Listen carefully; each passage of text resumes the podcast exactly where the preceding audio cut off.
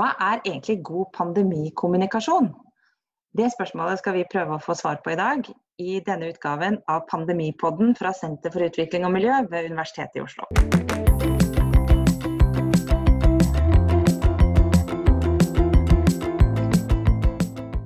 Mitt navn er Benedicte Bull.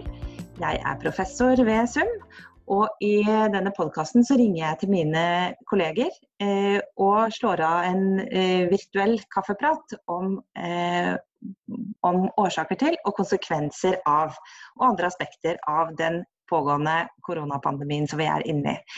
I dag skal jeg snakke med Christian Bjørkdal. Han er førsteamanuensis ved SUM. Han studerer retorikk og har faktisk gitt ut en bok og flere artikler om pandemikommunikasjon. God morgen, Kristian. Ja, hei, hei. Eh, jeg må nesten begynne med å si at førsteamanuensis har jeg ikke blitt riktig gjennom, men, eh, men, men, takk for det. Det er fint å foregripe ja. sånne ting. ja. Da skal jeg bare dratt på og kalt deg professor like godt. ja, ikke sant. Jeg først er i gang. Ok, ja. Du er forsker på SUM, da?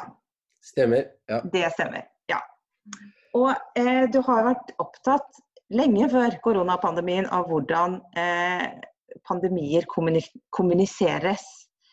Så jeg må jo rett og slett begynne med å spørre deg. Eh, hvordan syns du norske myndigheter har gjort pandemikommunikasjonen så langt? Eh, da går jeg ut fra at du mener i denne pandemien, fordi Ja, da mener jeg koronapandemien som vi er opptatt av akkurat nå. Nettopp. Um, fordi det jeg stort sett har forsket på, er jo den forrige pandemien, altså svineinfluensaen i 2009 og 2010. Uh, og jeg syns stort sett at de gjør det mye bedre nå. Uh, de har, det er veldig mange kvaliteter i myndighetenes uh, kommunikasjon, syns jeg. De, de fremstår saklige, profesjonelle, de er seri seriøse. De gjør seg sånn passe tilgjengelig. Jeg syns også de, hvis man skal sammenligne litt da, med forrige pandemi, at de treffer nivået bedre hva gjelder, um, hva gjelder å hva skal jeg si, få opp dramatikken. Altså man, man, vil at folk skal forstå alvoret, men det er ikke helt den samme sånn um, De lager ikke helt det samme dramaet som forrige gang. Uh, enda denne pandemien åpenbart er mye verre. Uh, så jeg syns de forvalter oppdraget bedre denne gangen. Det, det, kan jeg jo begynne med å si. Ja. Um, så er jeg kanskje ikke like fornøyd med hvordan en mer sånn altså, Selv om jeg da er tålelig fornøyd med myndighetenes innsats her, så er jeg ikke nødvendigvis fornøyd med hvordan samtalen for øvrig har utvikla seg. Og det er også litt um, skiller seg igjen litt fra svineinfluensaen. fordi der meldte det seg ganske fort en del kritiske stemmer, og de var av veldig mange forskjellige slag. Det var både liksom leger, og det var eh, vanlige folk, det var folk fra mediene selv etter hvert. sånn at der der ble liksom myndighetenes kommunikasjon uh, og det budskapet da, som de prøvde å få ut, det ble ganske fort uh, satt under lupen, så å si. og Folk begynte å pirke litt borti det. Og, og, og, det ble det jeg oppfatter tross alt som en bedre samtale. Mens i dette tilfellet så syns jeg at uh, Jeg har i hvert fall inntrykk av at, at, at, føringene for samtalen i mye større grad legges ovenfra, så å si. da, Fra myndigheter, altså politiske myndigheter, men også fra um, altså helsemyndighetene i utvidet forstand, fra folkehelsa og ikke minst Helsedirektoratet. Uh, og, det, og det, er, det, er, naturlig. Det er, det er, de som er fagfolkene. Det, det, er langt på vei de vi skal, skal, eh, lytte til her. Det er også de som står ansvarlig. Men, men det blir en litt sånn ensretting eh, av det. Altså. Og, og jeg, jeg, bare er litt tvilende til om det er så sunt at uh, eksperter og ansvarlige myndigheter i sånn grad som dette får legge føringer for samtalen. Det, føler jeg et visst ubehag rundt, må jeg si. Men er det ikke litt sånn, for vi skjønner alvoret i dette her, og vi tør ikke å legge oss opp eh, i tingene hvis ikke vi er eh, epidemiologer eller har et eller annet annen sånn veldig spesifikk ekspertise? Helt sikkert, eh, og det er derfor jeg prøvde å være påpasselig med å si at jeg har ikke noen, sånn, har ikke noen høne å plukke med myndighetene her, egentlig. fordi de, de, gjør en veldig god jobb, stort sett. da. Det er sikkert ting her og der som man kunne flikket på, men de, de kommuniserer jo også veldig mye nå. ikke sant? Sånn at det er, det er veldig krevende kommunikasjonssituasjon for dem. Eh, men, så, så, det er kanskje visse andre aktører som begår litt mer i seg selv her, altså. Eh, og jeg, jeg, jeg jeg tror kanskje oss, vanlige folk, og da, da, da, får vi tenke at vi også er vanlige folk, vi er selvfølgelig fagfolk i en, i en annen forstand, men, det, nettopp det at vi har mistet liksom, evnen til å stille spørsmål ved, ved fagfolks vurderinger, det, det, er jo ikke noe vi gjør i andre sammenhenger. Altså, jeg ser ikke helt at det er en sånn veldig stor grunn til å gjøre det nå. Fordi det er, det er også mange ting som tyder på at disse faglige vurderingene, det er ikke sånn at de hviler på et absolutt 100% sikkert underlag her heller. Du ser f.eks. et land som Sverige velger en helt annen strategi. De har sine helt seriøse fagekspertise der òg, så det er ikke noen sånn Uten at man trenger å være enig med Sverige, så ser man jo at uh, fagkunnskap og, og, fagmyndigheter, det er, ikke, det er ikke helt gitt uh, at rådene som gis enten her eller der, er, er de rette eller at, det er i hvert fall ikke gitt at, man, at, vi vanlige folk ikke skal stille spørsmål ved dem. Det, det syns jeg er Sånn syns jeg ikke det bør være, rett og slett. Altså. Nei, jeg, altså jeg, Min første innskytelse er at dette er så voldsomt vondt og vanskelig. Nå lukker jeg øynene, skal jeg følge alle rådene, være helt uh, underdanig og håpe at dette går over om en måned. Og så håpe at de ekspertene har peiling på hva de gjør. Og jeg skal ikke blande meg. Det er min første innskytelse i en sånn situasjon. Tror du ikke det er mange som tenker som meg? Absolutt mange som tenker som deg, så det jeg, det jeg, er ute etter å si er bare at sånn bør vi ikke tenke. Uh, Iallfall må vi være litt påpasselige med at ikke alle av oss tenker sånn. Vi må, vi må sørge for å liksom uh, rydde rom for at noen kan stille noen kritiske spørsmål. Og det mener jeg eh, det bør vi gjøre nesten uansett. Altså, vi kan tåle noen dumme spørsmål nå, liksom. Men, men, nå syns jeg det er veldig lite, altså. Ja. Men du, litt tilbake til eh, pandemikommunikasjon. Jeg er litt interessert i hva mener fagfolk da som deg, eh, hva mener dere er kjennetegnet god pandemikommunikasjon?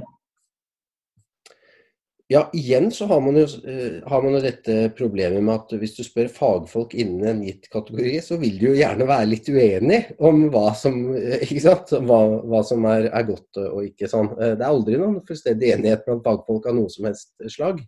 Sånn at Det vi oppdaget i, da vi studerte svineinfluensaen, var at iallfall til dels da, så var kommunikasjonsstrategien, spesielt til Helsedirektoratet, var, det lente seg på en sånn eh, Jeg skal ikke navngi han, men det lente, lente seg på en bestemt kommunikasjonsforsker da, som mente at det var veldig viktig å gå ut tidlig.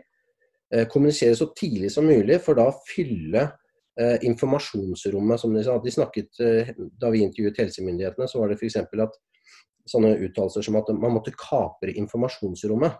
Fordi Hvis ikke de kom inn og var der tidlig og kommuniserte mye og ofte om det de visste til enhver tid, så ville noen andre komme og ta det rommet. Og det var da folk som, som de mente hadde dårligere informasjon enn det de selv hadde. For det var ikke nødvendigvis fagfolk, og de var ikke like godt informert via internasjonale nettverk av ikke sant, WHO osv. Så sånn. Um, så, og, og, Derfor så tror jeg de gjorde noen blemmer den gangen. Eh, så da har jo vi landet på at istedenfor at det skulle være så tidlig og, og så omtrent så mye som mulig, så burde det heller være ærlig og ved eh, de nødvendige tidspunkter. Altså, i, man, bør, man kommuniserer ærlig, det er det første. Og man bør gjøre det når det trengs. Det, det er det andre. Eh, så ikke, ikke utrengsmål, kunne vi kanskje si. fordi det, det er også en tendens til å hause opp sånne situasjoner som det er litt grann av. Og det er det mange som opplevde at det ble litt haussa opp under svineinfluensaen. Jeg husker, altså Det første som slo meg da eh, denne, man begynte å snakke om koronaepidemien først, da, det var at ja, ja, ja, vi husker jo svineinfluensaen. Da drev vi og snakket om dette her i månedsvis og det ene med det andre. og Det ble jo nesten ingenting. Mm. Men er ikke hva, hva, tenker du, har det vært bra å ha den eh, erfaringen eh, tidligere? Eller har det også gjort noe med hvordan man Har det også skapt nye på en måte fallgruver for, eh, for myndighetene? Mm, ja, jeg, jeg, tror nok at det i hovedsak har vært en bra ting for dem, så vidt jeg kan se. da, Nå har jeg ikke studert denne like systematisk som jeg gjorde den forrige, men så vidt jeg kan se, så, så virker det for meg som om de har lært en del ting. Eh, det de gjorde etter svineinfluensaen, var jo eh, bare noen dager etter at nyheten kom eh, første gang om en ny influensa i, i Mexico. Og det var snakk om noen dager, jeg husker ikke akkurat hvor mange, men det kan ha vært fire-fem dager etterpå. Så bare en, en, lang helg der. Så slo de i gang med en svær pressekonferanse hvor, hvor helse- og omsorgsministeren, representanten for folkehelsa og helsedirektøren. Alle møtte i en svær sal, direkteoverført og greier. Eh, hvor de bl.a. kom med dette verstefallsscenarioet sitt, eh, som helsedirektøren i tillegg presenterte på, mot en bakgrunn av noen folk i sånn beskyttelsesutstyr som så ut til å legge et lik ned i en kiste eller kasse eller noe sånt. ikke sant? Altså, he, og, og hvis du som helsemyndigheter gjør noe sånt etter fire-fem dager etter et sykdomsutbrudd på den andre siden av kloden, så er det, altså Mediene vet hva de har å gjøre da. liksom De slår det opp ekstremt stort. Uh, og det har jo ikke skjedd denne gangen. Her har det mer bygd seg opp over litt tid. Um, så, så, jeg tror akkurat den lærdommen der har de nok uh, tatt, altså. Det at uh, du skal ikke ut og slå på de skikkelig store trommene før du vet hva det, hva det er snakk om. Men eh, altså, En ting som går fram av dine publikasjoner, og som er tydelig hele tiden, det er at det er mye usikkerhet eh, rundt, eh, rundt, hvordan dette kommer til å utvikle seg. Det er veldig mange avveininger, og alle sitter og prøver å fortolke rykningene i ansiktet til helsedirektøren og sånn. Men hva eh, eh, Altså, det å kommunisere usikkerhet, hvordan gjør man det på en god måte? Ja. Det er jo den store floken. Ehm, og for, for, igjen å ta det litt tilbake, da, så har vi jo eh, fant vi jo en viss sånn eh, en viss eh, hva skal jeg si, en, en, en, en, viss skillelinje der i kommunikasjon, eller en viss spenning kanskje man kan si i kommunikasjonen under eh, svineinfluensaen, som jeg syns man også aner et, en, tendens til her nå. mellom eh, altså usikkerhet på den ene siden og handling på den andre. Eh, så man også kunne liksom feste på risikokommunikasjon på den ene siden og, og krisekommunikasjon på den andre. Og da har vi ment at eh, man så noen tendenser til at folkehelsa de, følte seg mer komfortable med å drive risikokommunikasjon. Altså De er mer komfortable med å forholde seg til usikkerhet. Det er i hovedsak forskere. ikke sant? De jobber med ufullstendig informasjon. De sier 'så vidt vi vet', eller 'dataene viser så og så'. Men, men i siste instans så vet vi ikke helt. ikke sant? Det er, det er usikkerhet som, som, rammer inn forskningen, så å si. Mens uh, Helsedirektoratet de, de, er da den ansvarlige utøvende instansen. De må handle. De må ta inn over seg at det er en, eller de må på sett og vis skape krisen. Da, fordi det er bare da de Eh, de kan komme på banen, så å si. Hvis det ikke er en krise, vel, så har de ikke noe, noe videre å gjøre. Eh, så, så, det er en spenning som ligger der, som også har liksom boblet litt denne gangen. Altså, det var jo en sak her for litt tilbake om, om at folkehelsa ikke nødvendigvis hadde vært like eh, innstilt på disse strenge tiltakene som det Helsedirektoratet var osv. Um, så, så, så, det er Jeg tror det er I noen grad så er det der bare et dilemma som man ikke helt kommer utenom i en sånn situasjon som det her. Fordi det er jo en krise, eh, men det forbinder seg veldig mye usikkerhet ved den krisen. Eh, og, og derfor, Jeg mener at implikasjonen av det da, for helsemyndighetene nok bør være å Igjen litt tilbake til ærlighet. Altså, jeg, jeg tror det er bedre å være enda åpnere på hva man vet og hva man ikke vet. Eh, og man, er, man havner litt fort inn i sånn derre det er naturlig at de vil forsvare tiltakene, selvfølgelig. De vil, de vil vise at, at, andre land som velger en annen strategi, har valgt feil strategi og sånn. Men akkurat det sporet der syns jeg de kan være litt forsiktigere med. De kan være enda ærligere, litt mer ydmyke. Og de kan også være enda litt mer inkluderende. Det har vært, eh, Helsemyndighetene har vært flinke til å stille opp i forskjellige TV-programmer og alt mulig sånt for å svare på spørsmål. Men, ehm, men det blir liksom et, et, lite hakk for autoritativt for, for, min smak. Altså. Det kan godt være at man skal eh, ikke smøre liksom, den der fagkompetansen så, så tjukt på, hvis du skjønner, sånn retorisk. Fordi det er, det er mye de ikke vet. Det, sånn er det bare her. Jeg, jeg, sitter jo og følger litt med på hvordan de kommuniserer her i Latin-Amerika. Jeg syns jo ikke det nødvendigvis er så veldig eh, autoritært eller autoritativt det vi hører her, men det er veldig forskjellige kulturer rundt det også. Um, men jeg tenker, kunne, når du, du, har jo fulgt med denne runden også, selv om eh, du ikke har studert den så systematisk som eh, svineinfluensaen. Er, er, det noen sånne eh, tilfeller av strålende kommunikasjon eller noen skikkelig blemmer du kunne trekke frem? Nei, jeg tror strålende kommunikasjon tror jeg ikke dette er vel ikke en type situasjon hvor man, hvor man, vil gjøre en sånn vurdering, tror jeg. Ikke sånn presidenttalene til Obama? Det, det, er, det, er, ikke helt en sånn type situasjon. Så, så er vel, her er det vel mer et spørsmål om å unngå blemmene, da, kan du si. Og, og, det har de, sånn som jeg ser det, eller så vidt jeg har fått med meg, stort sett unngått. Uh, og, det er jo da i en sånn situasjon tommel opp. Altså det, det, er, det, er, ganske godt gjort da, å, å, unngå blemmer, og det har stort sett styrt klar av dem. Så er det noen ting som har dukket opp som, hvor jeg har grøsset litt på ryggen og syns at dette må da være veldig ubehagelig for helsemyndighetene, og dette var et dårlig svar og sånn.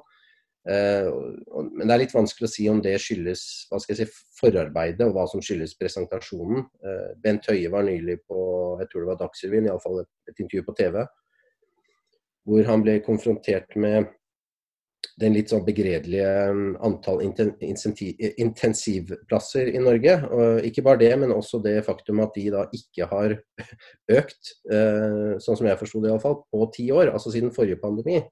Enda både gamle og nye rapporter slår fast at dette er ikke tilstrekkelig antall intensivplasser og sånn. Eh, og da, da rota han seg ganske bra bort, spør du meg. Altså, det, var, det, var, ikke et veldig troverdig svar han ga der. Men, men det, det, det, tror jeg peker litt på forarbeidet, altså vel så mye som, eh, som, som presentasjonen. At han må ta en del ting på sparket? Ja, det er klart du må ta en del ting på Det er viktig nok da, i en sånn krisekommunikasjonssituasjon. Så er det aller beste du kan gjøre i en krisekommunikasjonssituasjon, det skulle du allerede ha gjort, hvis du skjønner hva jeg mener. Sånn at det de skulle ha gjort for å kommunisere godt i den situasjonen, det var å sørge for flere eh, intensivplasser. Eh, og Det hadde du ikke gjort, og da står du der, nesten uansett hvordan du håndterer det, så står du der og, og ser litt dum ut. Og det er jo eh, altså, Dere snakker jo ofte om å, å skreddersy er et budskap, men her skal det komme et budskap som, alle, som mange kommer til å fortolke på ulikt vis. Og så skal de prøve å få det så klart som mulig. Det kan ikke være spesielt enkelt. Men jeg, jeg kom på én ting eh, bare helt på slutten som er veldig forskjellig fra 2009. og det er at Nå har jo alle smarttelefon og sosiale medier eh, videreformidler og viderefortolker alle disse tingene. Hvordan tror du det har influert kommunikasjonsstrategien eh, nå? Um, det, det, er litt vanskelig for meg å svare på, fordi jeg til, helt tilfeldigvis har en sånn sosiale medier-pause akkurat nå, som jeg bestemte før denne pandemien kom på banen. Uh, så der har jeg virkelig ikke fulgt med i det siste. Men uh, uh, Nei, vet du hva, det, det, det, tør jeg ikke svare på. Jeg har ikke vært på sosiale medier på fire måneder. Jeg. Nei, det, jeg tror du har gjort et godt valg der, jeg. For det er ikke akkurat noe sånn høydere å følge med på Twitter for, om dagen. Men um, det er veldig spennende å høre på deg. Og um, jeg skal snart uh, skru på nyhetene for første gang i dag. Og, og håper å, å observere nye gullkorn fra myndigheter og andre. Tusen takk for praten, Kristian. Du får ha en fin dag videre. Takk i like måte.